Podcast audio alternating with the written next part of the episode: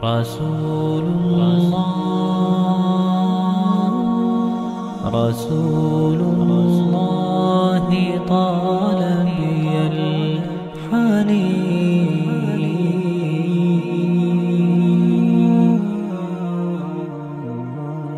وأرق موجتي شوق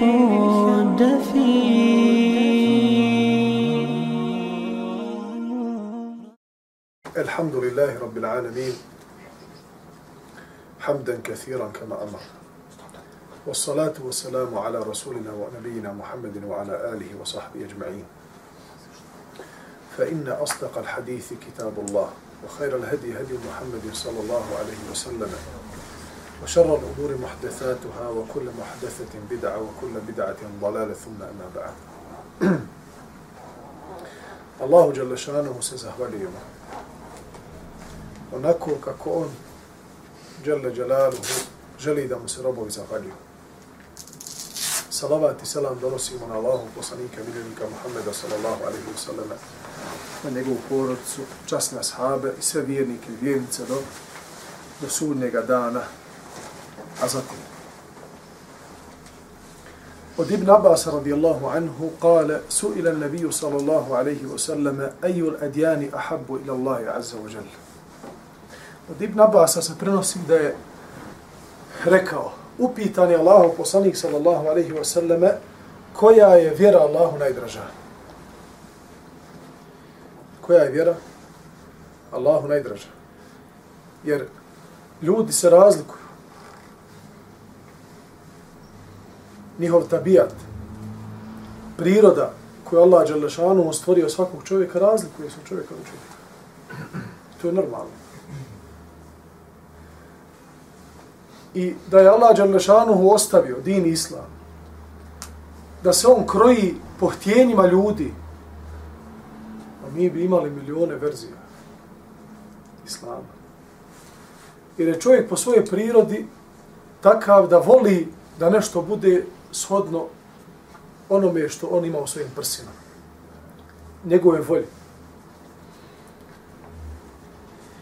Međutim, Allah Đalešanuhu mudro je ostavio da dini islam i njegova širina i njegova sveobuhvatnost sa svim propisima, objavom, onim sa čime su došli islamski učenjaci iz e, vadeći propise, razna mišljenja iz hadisa Allahov poslanika sallallahu alaihi wa sellem, koji često su mogli da se razumiju na više načina, u toj svojoj širini Allah Đelešanu je dao da svi ljudi čistoga srca mogu da se uklope u tu Allahu Đelešanu prirodnu istinsku vjeru. Pa je Allahu poslanik alaihi salatu wasalam koji je bio poznat po tome da mu je Allah Đelešanu dao da sa malo riječi mnogo kaže.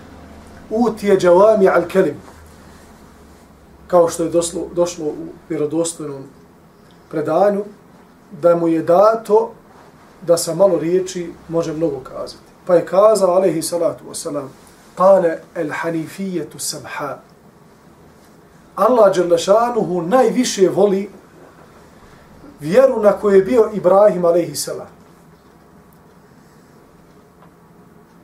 Jer Allah Đerlešanuhu, kada su se pitali ljudi, da li je bio Ibrahim židov da li je bio kršćanin, na kojoj vjeri bio. Pa Allah Đalešanuhu odgovara u suri, Al, suri Ali Imrani kaže Ma kana Ibrahimu jehudijan wala nasranijan, walakin kana hanifan musliman wama kana minal mušrikin. Ibrahim nije bio niti židov, niti kršćanin. Ali je bio čiste iskonske vjere jer na arapskom jeziku hanifen znači iskonska vjera. Pravi, čisti monoteizam koji je Ibrahim ispoljavao Allahu Đalešanuhu, oslanajući se samo na njega, vjerujući samo u njega i predaje koje dolaze od, do nas, o Ibrahimu a.s. potvrđuju sve ono što ja govorim. Muslimen وَمَا كَانَ مِنَ الْمُشْرِكِينَ Pored toga što je bio iskonske monoteističke vjere, bio je Allahu Đelešanuhu predan rob. Šta god bi Allah Đalešanu utražio od Ibrahima a.s. on nikada ni trenutka nije uklijevao da to uradi. Još kao mladić je pokazao svoj monoteizam. Pa znate onu raspravu između njega i njegovog babe. وإذ قال إبراهيم لأبيه آزر أتتخذ أصناما آلهة U ovim ajetima Allah Đalešanu nam prenosi raspravu njega i njegovu babe još dok je mlad bio, mladić. I kad reče Ibrahim svome babi, svome ocu Azaru, etetehidhu asnamen alihe, čudi se Ibrahim kao mladić jednom punoljetnom čovjeku koji je bio vođa plemena u Mekke. Zar uzimaš kipove za svoje bogove? Inni arake wa qawmake fi dalali mubin. Ja zaista vidim tebe i tvoj narod da ste vi u očitoj zabludi. I onda na jedan pametan način, logičan način, želi da prikaže svome narodu šta je to vjerova Allaha Đalešana. Pa izaziva kod njih emocije. Hoće da ih, kao što se u našem narodu kaže, navuče na tanak let. فَلَمَّا جَنَّ عَلَيْهِ لَيْلُ رَعَ كَوْكَبَا قَالَ هَذَا رَبِّ Hoće da priđe im sa njihove strane gledišta. Ljudi ponekada žele da nekoga uvedu u islam. Ne gledajući na kojom je stepenu ili uopšte šta vjeruje taj čovjek koji je pred njim. Pa svakome žele da priđu na isti način. To je neispravno. Ne možeš na isti način prići čovjeku koji je katolik, katoličke vjere i razgovarati sa njim o vjeri i onome koji ne vjeruje u Boga nikako. Ateisti. Ibrahim kada je ugledao, kada je pala noć i oni su sjedali, njegov narod i njegov bavutu, on je ugledao zvijezdu i onda povikao, ovo je moj gospodar. A Ibrahim tada, braćo moja, po koncenzusu mu fesira, nije vjerovao da je to njegov Bog, nego je htio da izazove njihove emocije. Jer su oni vjerovali šta god bi bilo veličanstveno, pa makar isklesali svojom rukom, pa to nešto lijepo izgledalo, oni bi to smatrali Bogom. Pa veli, kad već to smatrate Bogom, onda je preče da smatrate zvijezde na nebu koje su pokovale, pokovale onaj mrklu noć i onako u skladu stoje lijepo, svaku noć lijepo poredane, pa preče da to obožavate. Falamma afala qala la uhibbu al-afilin. Kada zvijezde zamaknuše, dođe zora, kaže ja uistinu ne volim one koji zalaze. Ne volim one koji nestaju, koji izgube moć. Jer Allahova moć nad svojim stvorenjima je stalna, konstantna. Kulle jeumin huwa fi še'en. Kaže uzvišen u sura Rahman, svakog dana Allah Đalešanuhu radi nešto. Obdržava život biljaka i živih bića. Obdržava bez jednog stuba ogromne veličanstvene, ogromna veličanstvena nebesa, da ne padnu na ljude. Jeste li se ikad zapitali ova atmosfera iznad nas, monosfera i ovaj, ovaj zid koji nas spašava od svih meteora i drugih tijela koje prolaze kosmosom, prolaze našom galaksijom i udaraju u zemljinu atmosferu. Jeste li se pitali kako to obstoji u zraku? Veliki taj motač i štit za ljude, a nema ni jednog stupa. Kako uopšte zemlja obstoji ona u svemiru? Kako se u skladu pomjera u 24 sata se obrne jednom oko svoje ose. To Allah Đelešanu sve ob obdržava. Pa Ibrahim ima kaže, ja ne volim one koji gube moć. One su bile prelijepe u toku noći. Međutim, kada je došla zora, pobjedila je zvijezda. Onda ide na veću stepencu. Prebacuje se i kaže, فَلَمَّا رَأَ الشَّمْسَ بَازِغَةً قَالَ هَذَا رَبِّ هَذَا أَكْبَرُ Pa kad ugleda sunce, a ono pobjedi zvijezda nakon što je zora izašla, kaže, ovo je moj gospodar, ovo je najveći. Znači, veći je zvijezda, jači i... Felemma efel. Ali sunce zađe. I njegova energija i njegova snaga zađe. Kale ja kao mi inni beri u mimma tušriku.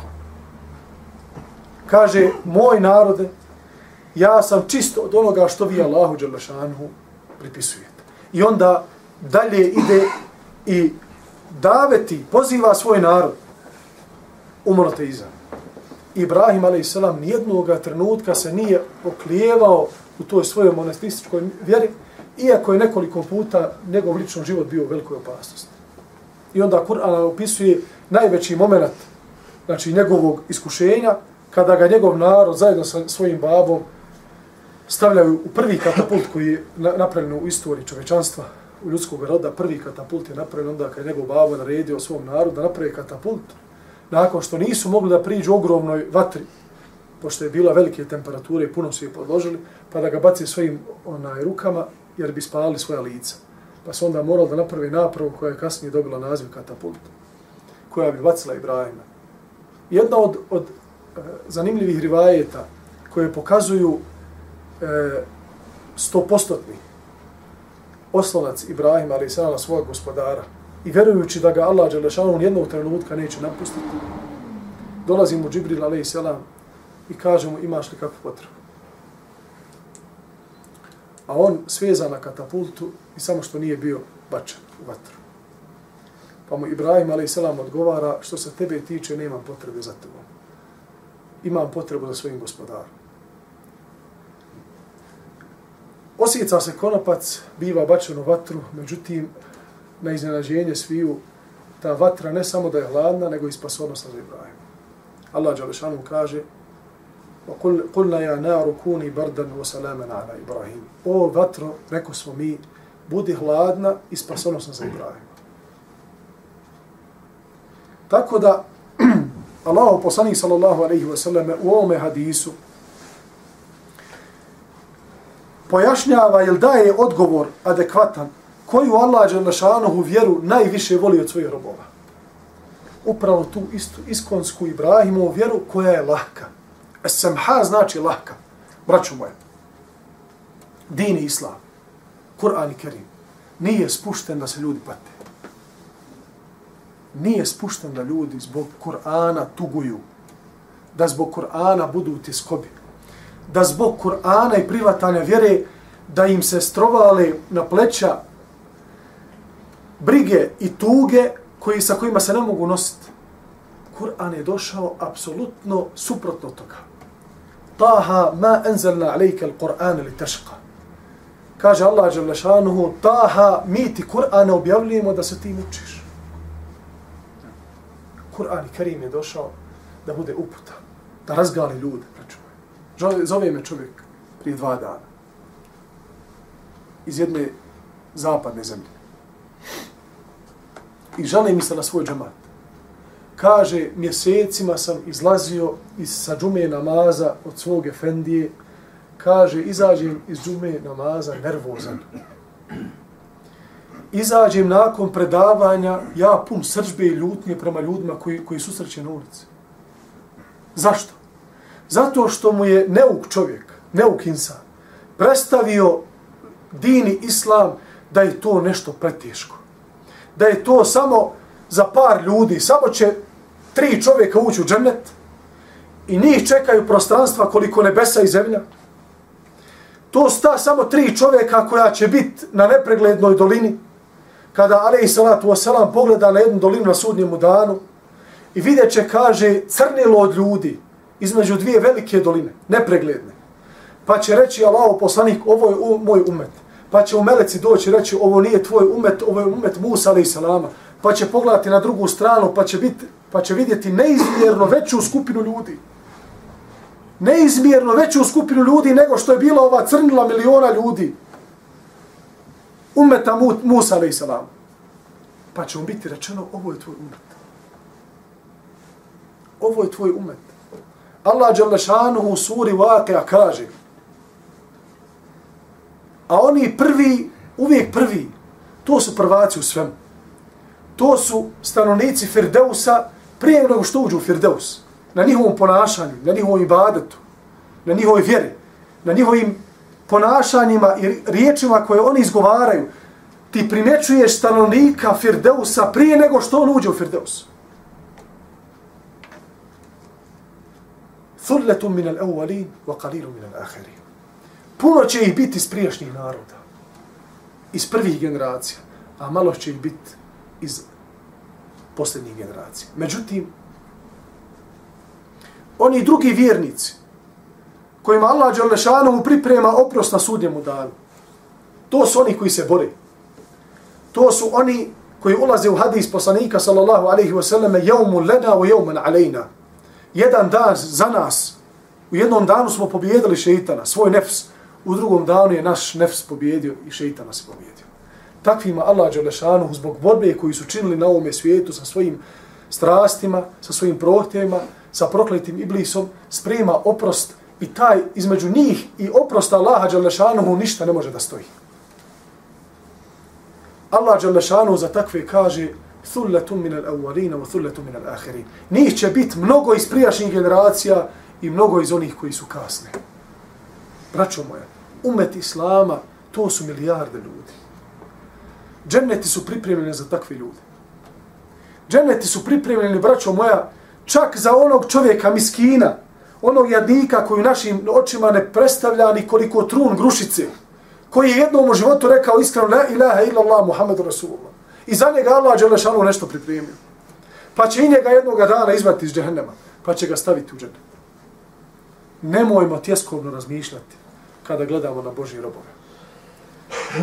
I kaže mi taj čovjek, izašao sam sa zadnje hudbe i rekao sam sebi, nikad više tu neću ući kada sam čuo da je taj moj Efendija Hatib izdvojio samo, kaže, nekolicinu ljudi koji će uspjeti, koji ne kaže, nikome se ne priklanjaju.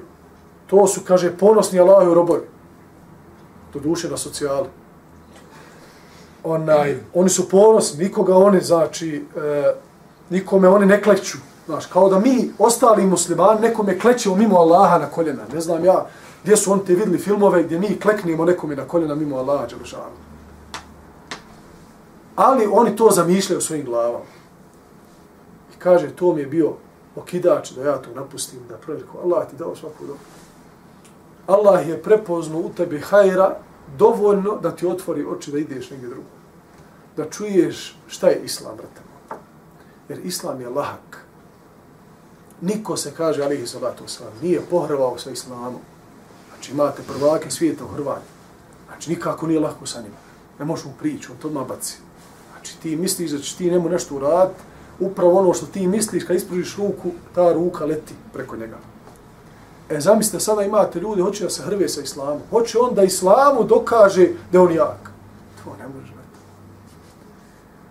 Onaj koji se najviše Allaha Đalešanu bojao, je stalno činio dovu govoreći ja mu kalibel kulub, thabit kalbi ala dinik. O ti koji okričeš ljudska srca, učvrsti moje srce u islamu. Zašto? Zbog slabosti naše koji mi imamo u sebi. Mi smo slabi. Osim sa Allahom Đalešanu. I ona uputa koju ti Allah Đalešanu dao, dao ti je iz njegove neizmjerne milosti prema tebi. Tebe izabrao. Što te izabrao? To on subhanahu wa ta'ala najbolje zna. Na tebi da mu budeš zahvalan na tome i da čuvaš to kao što se čuva najdragocenije ono što imaš u svome životu. Zatim od Abdullah ibn Amra kale arba'u hilalim idha u'tita hunne fala yadurru ma uzila anke min dunya. Od Abdullah ibn Amra da je rekao kaže četiri hilal to je min al-ahilla četiri svojstva četiri stvari koji su stalno pri tebi ako ih budeš imao kod sebe mimo toga neće ti škoditi, štetiti, šta god drugo nemaš od dunjavnika. Ako imaš ovo četvoro. Prvo, husnu halika. Lijep moral. Lijep moral je, braćo. Stvar, među rijetkim stvarima koje Allah Želešanu neće dozvoliti da propadne nagrada onome ko se lijepo ponaša. Allahu poslanik sallallahu alejhi ve sellem vođa imam bogobojazni. Imam onih koji su stajali po cijelu noć na noćome namazu. Vođa onih koji su plakali na seždi. Vođa učača Kur'ana. Znači nije, nema nijedna vrata na koja možeš pokucati naspram Allaha Đerlešanu da mu se približiš a da naš poslanik bi nije bio prvak u tome. Od borbe na Allahom putu od zekata, od sadake, od milostinje, od ibadeta, od noćnog namaza, od učenja Kur'ana, svih vrsta lafila.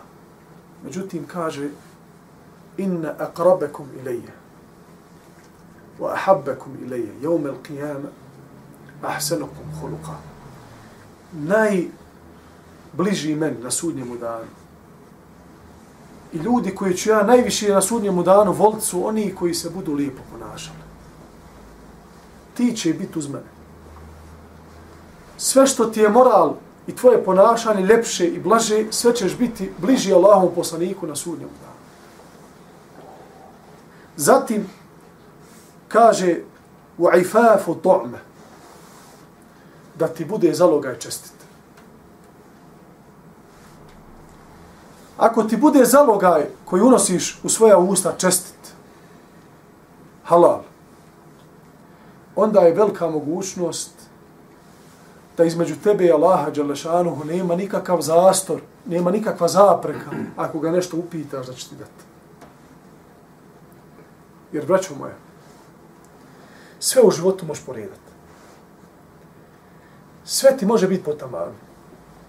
I da nas pretekneš, brate moj, u svemu što mi radimo. Ali ako ti tvoj zalogaj ne bude halal, neće ti Allah Đalešanu primiti dovu, makar mu dovio cijelu noć, cijeli dan makar te vidli u mihrabu poslanikovog mihraba u Medini, kako cijelu noć sipa suza za suzom iz tvoju bradu, ni tvoja pleća, neće ti Allah primiti to. Kaže sallallahu alaihi wa sallam. Čovjek kaže, ići će pustinjom, Biće putnik, a vi znate da se putniku ne odbija doma. Pa Allah Đelešanu ushodno opterećenju čovjeka, sve što je čovjek opterećeniji, sve mu lakše prima njegovi ibadet.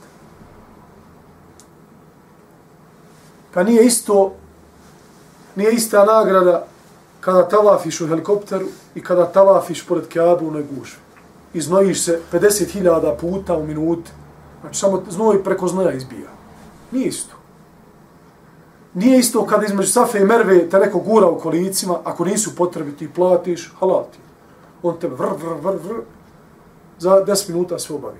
I nije isti onaj koji hoda i trči onaj tamo gdje Hazreti Hadžera trčala i ubija, od umali mozak te ubija onaj mermer kad petama dolu udaraš opet od trčanja.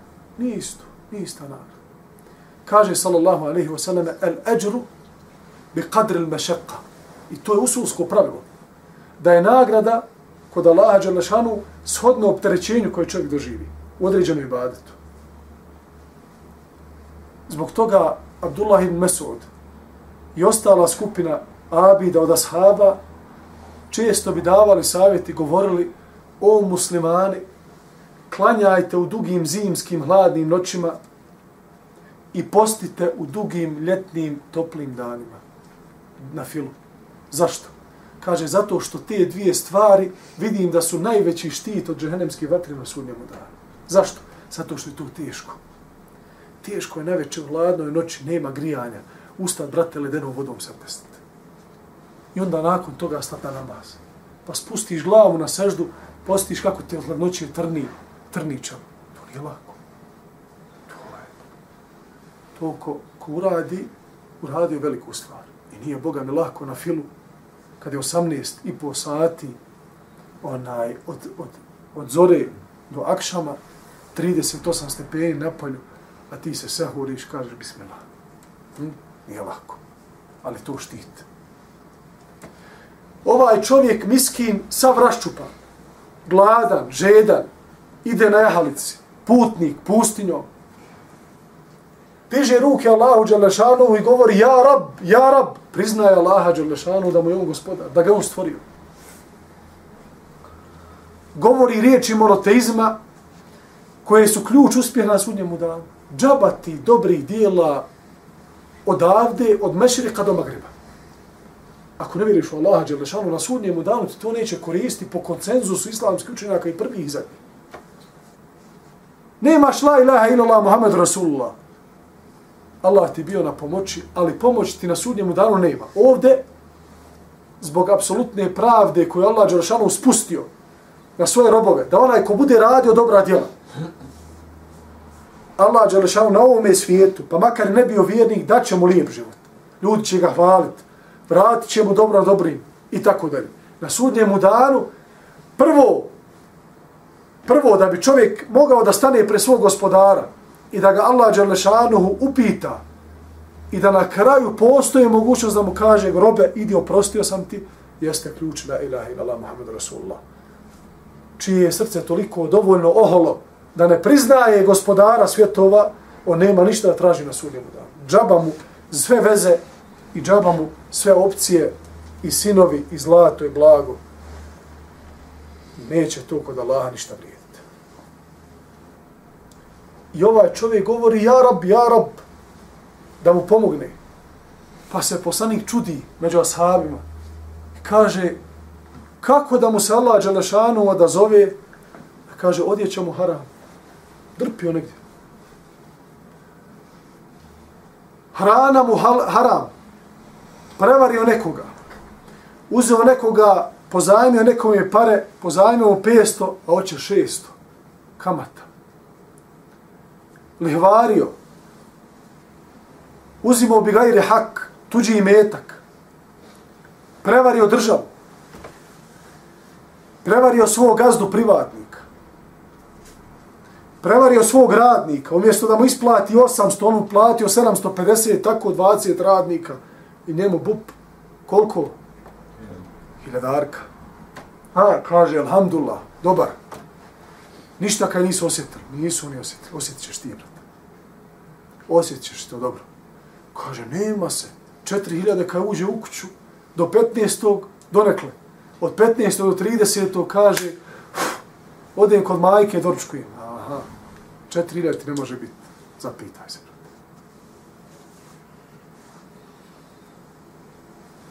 Mešrabuhu haram. I piće nije mogo budala nije mogao ni piće da nađe vodu da mu je halal mora je neđe i to man. Osladi se, brate. Jedna krađa, druga krađa, treća. Kaže, ja ako ove sedmice ništa ne pljanem, kaže, nisam dobar nikako. Neću, kaže, biti dobar. Brate, evo imaš, Allah ti dobro. Ne, ne, kaže, ja moram, ovisnik postao. Fa enna juste džabu lehu. Kaže poslanik, pa kako da mu se Allah da zove? Ogudhi je bil haram. Kaže, čak i nahrani na haramu. Odrastao tako. One sve salame što je jeo, sve ono haram bio. Što je? Babo krao, brate, iz preduzeća. Naftu.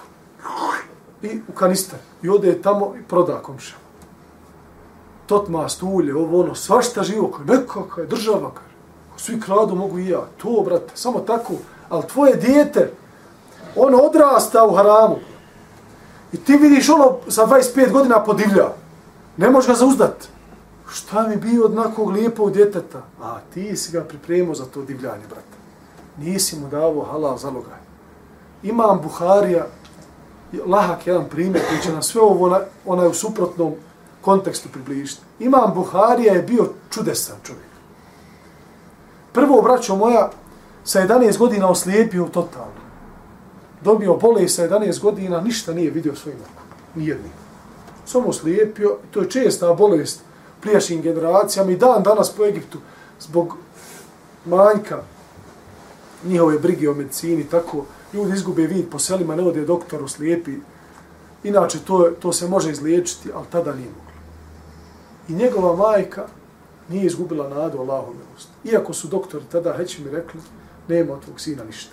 Ona je digla Allahu Đelešanu ruke i dobila. dok nije usla, usnila poslanika, sallallahu alaihi wasallam, koji je obavijestio nju da ustane i da ode svome sinu da je on progleda. I tako se je desilo. Nakon toga imam Buhari imao čudesan hifs. Pamtio je sve senede koje je poznavao hadisa perfektno kao što mi pamtimo svoje ime i prezime.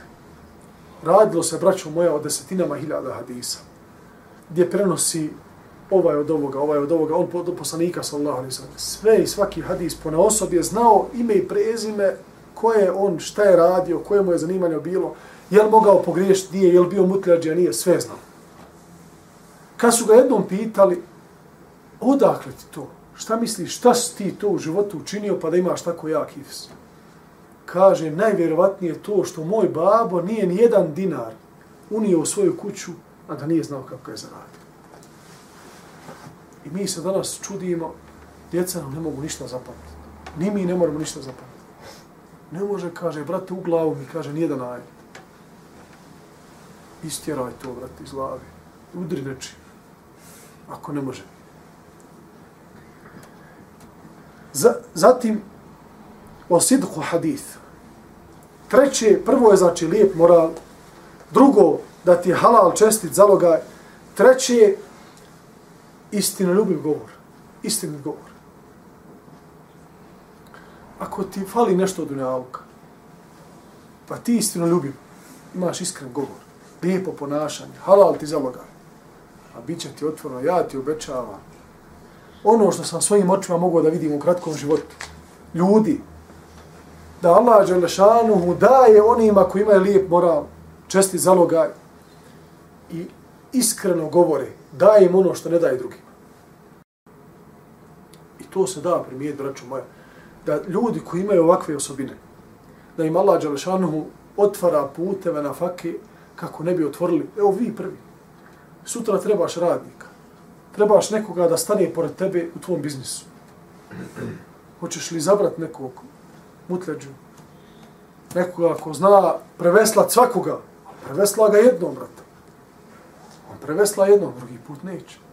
Ili ćeš uzeti čovjeka sa ovakvim osobinom. Uzeti će čovjeka sa ovakvim osobinom. Pogotovo što je danas sve ređe i ređe ovakvi. Pa onda se takvi traže. Takvi su traženi. I onda oni, Allah, Đelešanu, takvima dadne, a ovo su sve osobine za koje ne trebaju pun džep para da bi ti ovo imao. Lijepo ponašanje, da bi se lijepo ponašao, ne moraš biti bogat. Su, nasuprot. Nasuprot. Upravo manjkavo stanje, finansijsko, čovjeka često može dovesti do toga da bude lijepo ponašan. A često oni koji imaju pune džepove, Boga mi, teško sam ima. Osim kome se Allah Đelešanu smije. O emane, četvrta stvar, čuvanje emaneta. Čuvanje emaneta, moja braćo draga, pitajte me šta znači čuvanje emaneta pa možda ni ja neću znati reći šta to znači. To je prva stvar koja će se podići od umeta. Od nauke prvo što će se podići jeste nauka o nasljednom pravu. To je najteže održati. A što se tiče osobina, prvo što će se podići od ljudi jeste na Ne možeš mu ništa povjeriti.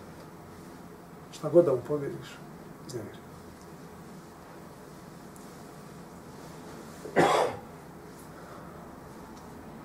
ništa o čuvanju emaneta, neću ništa reći. Allah mi stid me našeg stanja, jer toliko, toliko su ljudi zanemarili ovu osobinu. Toliko to se smatra leževo. Pozajnica para. Drugi neki emanet. Ma, ovaj, ne, ne materijalne prirode, nego drugih priroda čuvanje emaneta tajni čovjeka koji ti je dao tajnu. Povjerio ti se. To sve emaneti, braću moja, koji ti nosiš svojim prsima. To se danas tako gazi. To je danas tako u modi da to onaj, da je to za, za dobre žalosti. Znači, nije ni za sedmice, ni za četresnice, to je za godinu dana žalosti, za redom, iz dana u dan. Da nas Allah Đelešanu zaštiti i popravi stanje. Sve dok se umetu ne vrati emanet, povjerenje, nema napretka. Hatme svaki treći dan kad bi činili. Nema ove osobine, nema hajra u nama. Kako ćeš se sutra osloniti na nekoga? U najmanjoj stvari. Još to je žalosno, što svaki malo čuješ, da je brat musliman, drugog brata muslimana prevari u poslu. Pa to srce da, ti, da te zaboli. Brate moj, bolje se kloni pijace. Kloni se biznisa. Nemoj da te, nemoj dozvol da te biznis odvede u džahennem. Biznis, brate, budi milioner. Allah ti otvorio, Allah ti dao milijarde. Nemoj bolan preko toga pravi sebi most do džahennema. Bolje se odmakne. Čovjek je zakido doba tabina, zakido na, na kantar, na, na vagi. I prije je bila vaga koji dan danas oni stari na pijacama, dva li, listava koji imala, dva jezika. I sad stavi se ovde voće ili povrće, a tu se stavi mjera jedinca za vaga. I uglavnom, ovo je pravda, ovo je dobročinstvo. Ovo je nepravda. Ako je ovdje onaj roba, a ovdje je mjera za, za, za vaganje, jedinca za vaganje. Znači, ovo je šta? Pravda, ovo je dobročinstvo, ovo je nepravda. Ova insan, braćo moja, kome ja govorim, često je znao zakidat na vage. Danas imate ljude, zalijepe ispod tog dijela gdje zalijepe par novčića. Kaže, za, za deset godina nek zaradi 100 maraka na tim novčićima, što ću, onaj, to, će, to je možda 20-30 grama. Ne primijeti se to. Kaže, meni je to dobro. E, moj brat, da ti znaš šta s ti novčićima uradi, što si zalijepio ispod. Tom čovjeku su došle smrtne muke i došli da mu uče telkin pred smrt. Da ga nagovaraju, podsjećaju, da izgovori la ilaha ila Muhammed Rasul. Kad god mu kaže rekli, on krene da izgovori i zašuti. Allah Đalešanuhu spasio mu život i vratio se od te kome i to, te bolesti, ozdravio. Pa ga upitali ti prisutni, kasnije. Kaže, što kad god si tio da izgovoriš šehadet, nisi uspio. Kaže, tako mi Allaha, kad god, ja sam vas čuo šta vi govorite, kad god hoću da izgovorim šehadet, dođe onaj jezičak sa vage i kaže, prisloni mi, jako se prisloni na moj jezik i ne da mi da izgovorim.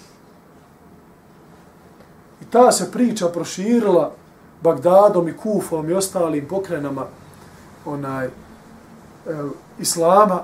I kaže, o, tada su, kaže, mnogi trgovci ostavili trgovinu zbog toga.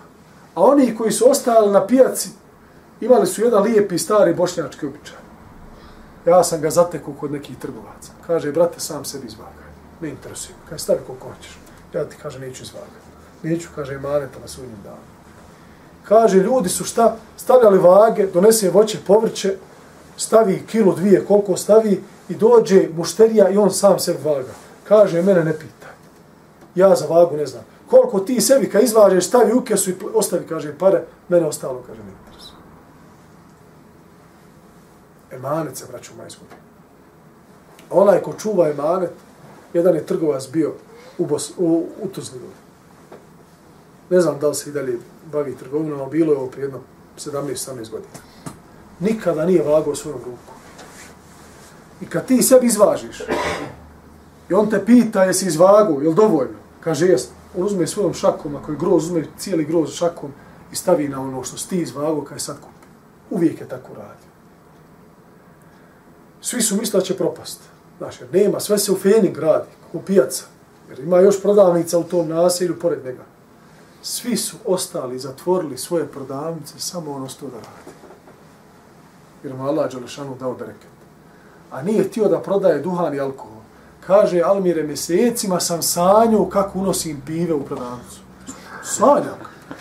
Jer kaže, Allah me iz početka iskušao sa čime? Dođe mi momak, Pitam, imaš li tuzansku pivu? Ja kažem, nemam. Kaže, dobro. I on ode prodavnicu do mene, kupi jednu pivu i podmiri se za 30 maraka ono što ima i kod mene.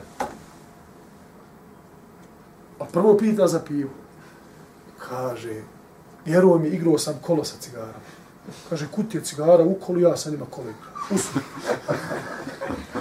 to je tolika obsesija, ali sam rekao sebi, nećeš unije crku, makar crkom i nije unio Allaha.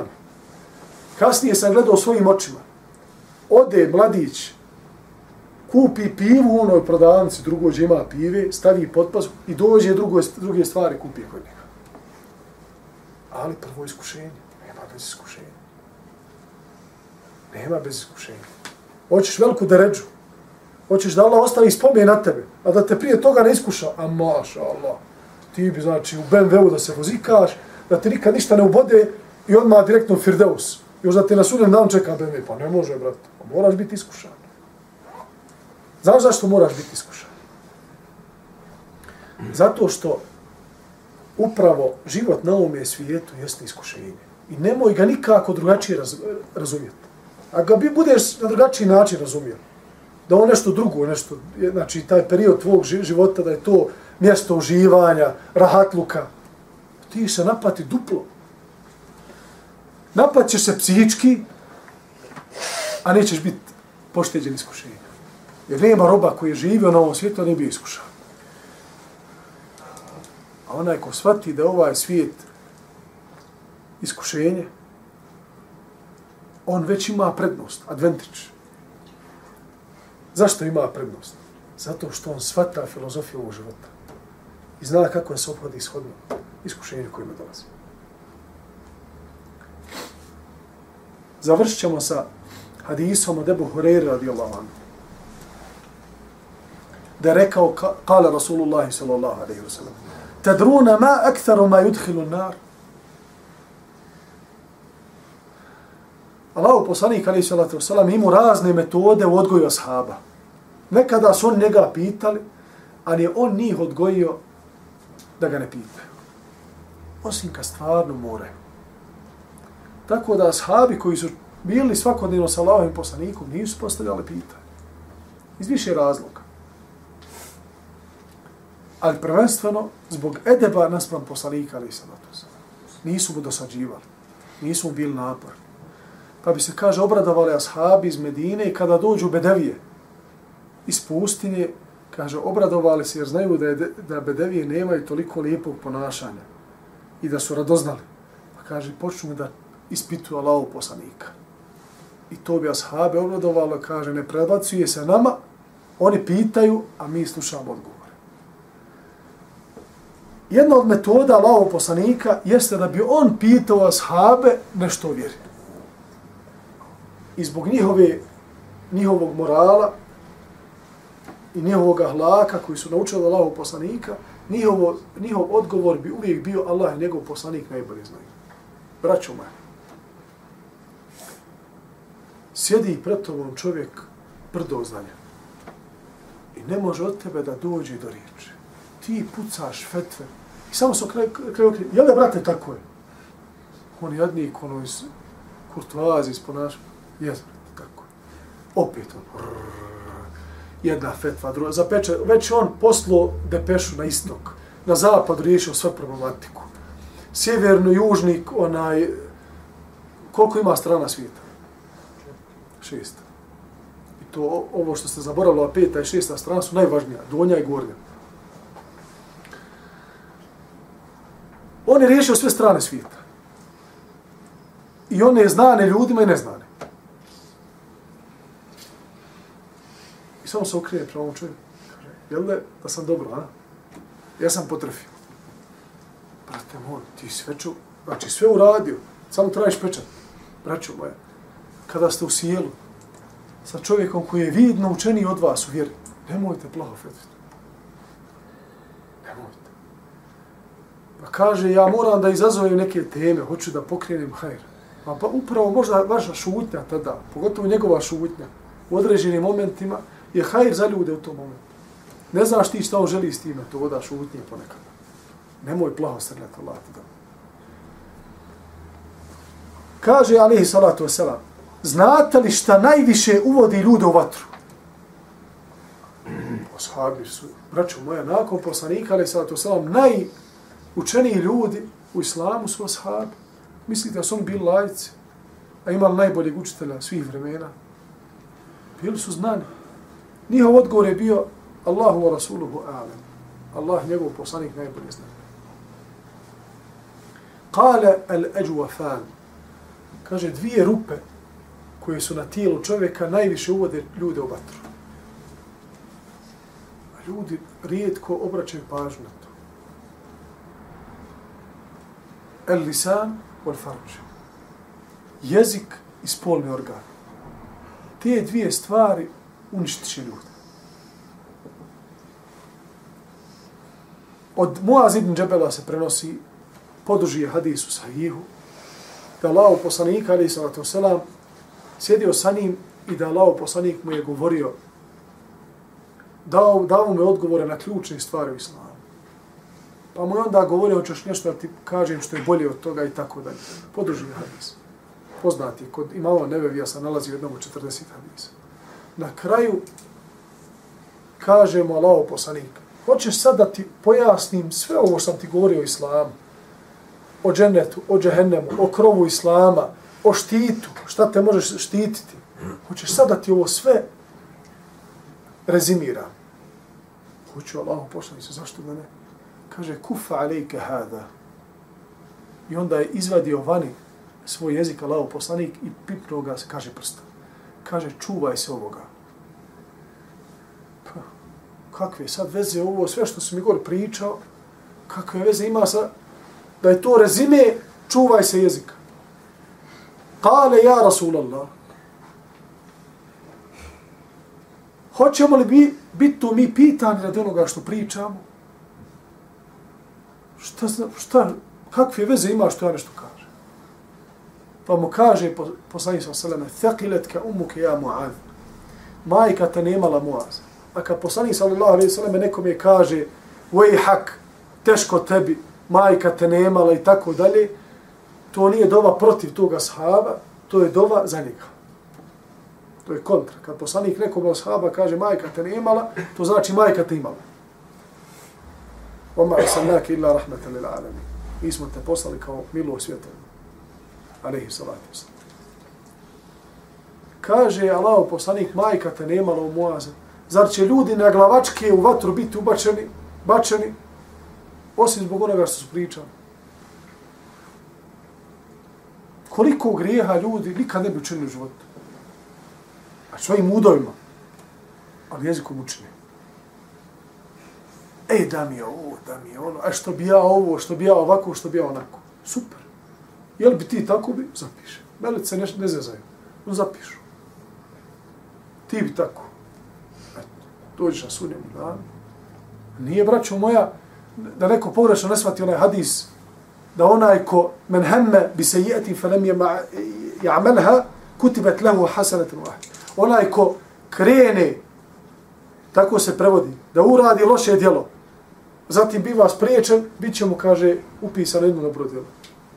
U hadisu je men hemme, onome kome naum padne, naum padne mu loše djelo. I onda kaže, stakfirla, Znači, dođe u misao i on kaže, neću. Njemu se piše dobro djelo. I komu ga piše? Onaj koji nikad ništa ne zaboravlja. Gospodar svijetu. Jer meleci ne znaju naše misle. Znači, toliko borbe postoji unutar samih nas, koji ni meleci ne prepoznaju. Nego gospodar svjetova, la jensa, nikada zaboravlja. Pa će i meleci biti iznenađeni na sudnjemu danu sa nekim robovima, koji će doći sa brdom dobrih dijela, a ni meleci ne znaju za ta djela. To je ono se nalazi u tvojom srcu. To niko ne zna sem gospodar svjetova. Zatim, Allaho poslanik ne ostavlja sahabe. Pogledajte, morate ljudima dati opciju Morate ljudima dati opciju. Hoćete da pozovete nekog islama. Ne možete mu samo džernemu pričati. O vatri. Najviše što uvodi ljude u vatru jeste spolni organ i jezik. Zatim kaže وَمَا أَكْثَرُ مَا يُدْخِلُ الْجَنَّةِ Šta najviše uvodi ljude u džennet? Evo vam ashabi dao sam vam gdje trebate da, da djelujete preventivno. Znači, čega treba se klonite? Zati vam govorim, evo, ako hoćete dženecke nastajbe, dženecka prostranstva, dvije stvari gledajte i gajite u svome životu. Tako Allahu husnul huluk. Bogobojaznost i lijepo ponašanje. Zašto Allah poslani kaže bogobojaznost i lijepo ponašanje? Zato što možeš biti bogobojazan, a da se lijepo ne ponašaš. I od toga nema ništa. Budi siguran. Bogobojazan namršten, ne voliš nikoga, nijedan mu'min ti neštima, ni, ni s kim ne, ne možeš da staneš u safu, sve ti je stakletli. Malo, malo nekoga napadneš, bi hak, ogovoriš, potvoriš, ti si najbolji, brate moj. Tebi tvoja bogobojaznost, tebi je tvoja gospodara, a tvoje loše ponašanje između nas. I ne možeš očekivati da će te ljudi zbog tvoje bogobojaznosti voliti ako se ružno ponašaš. I da ćeš imati lijepo mjesto kod njih. Tako Allah wa husnul huluk. Bogobojaznost i lijepo ponašanje. To su dva faktora ključna koja krase i unutrašnjost i vanjštinu svakog čovjeka i svake žene i muslimake. Molim Allaha Đalešanu da nam se smiluje, da nas uputi na pravi put, oprosti grijehe i sačuva nas vatre i sve ono što vodi ka vatri, a uputi nas ka džennetu i svim onim dijelima koje vode ka džennetu. Kulu qavli hada astagfirullahi li wa سبحانك اللهم بحمدك أشهد أن لا إله إلا أنت أستغفرك وأتوب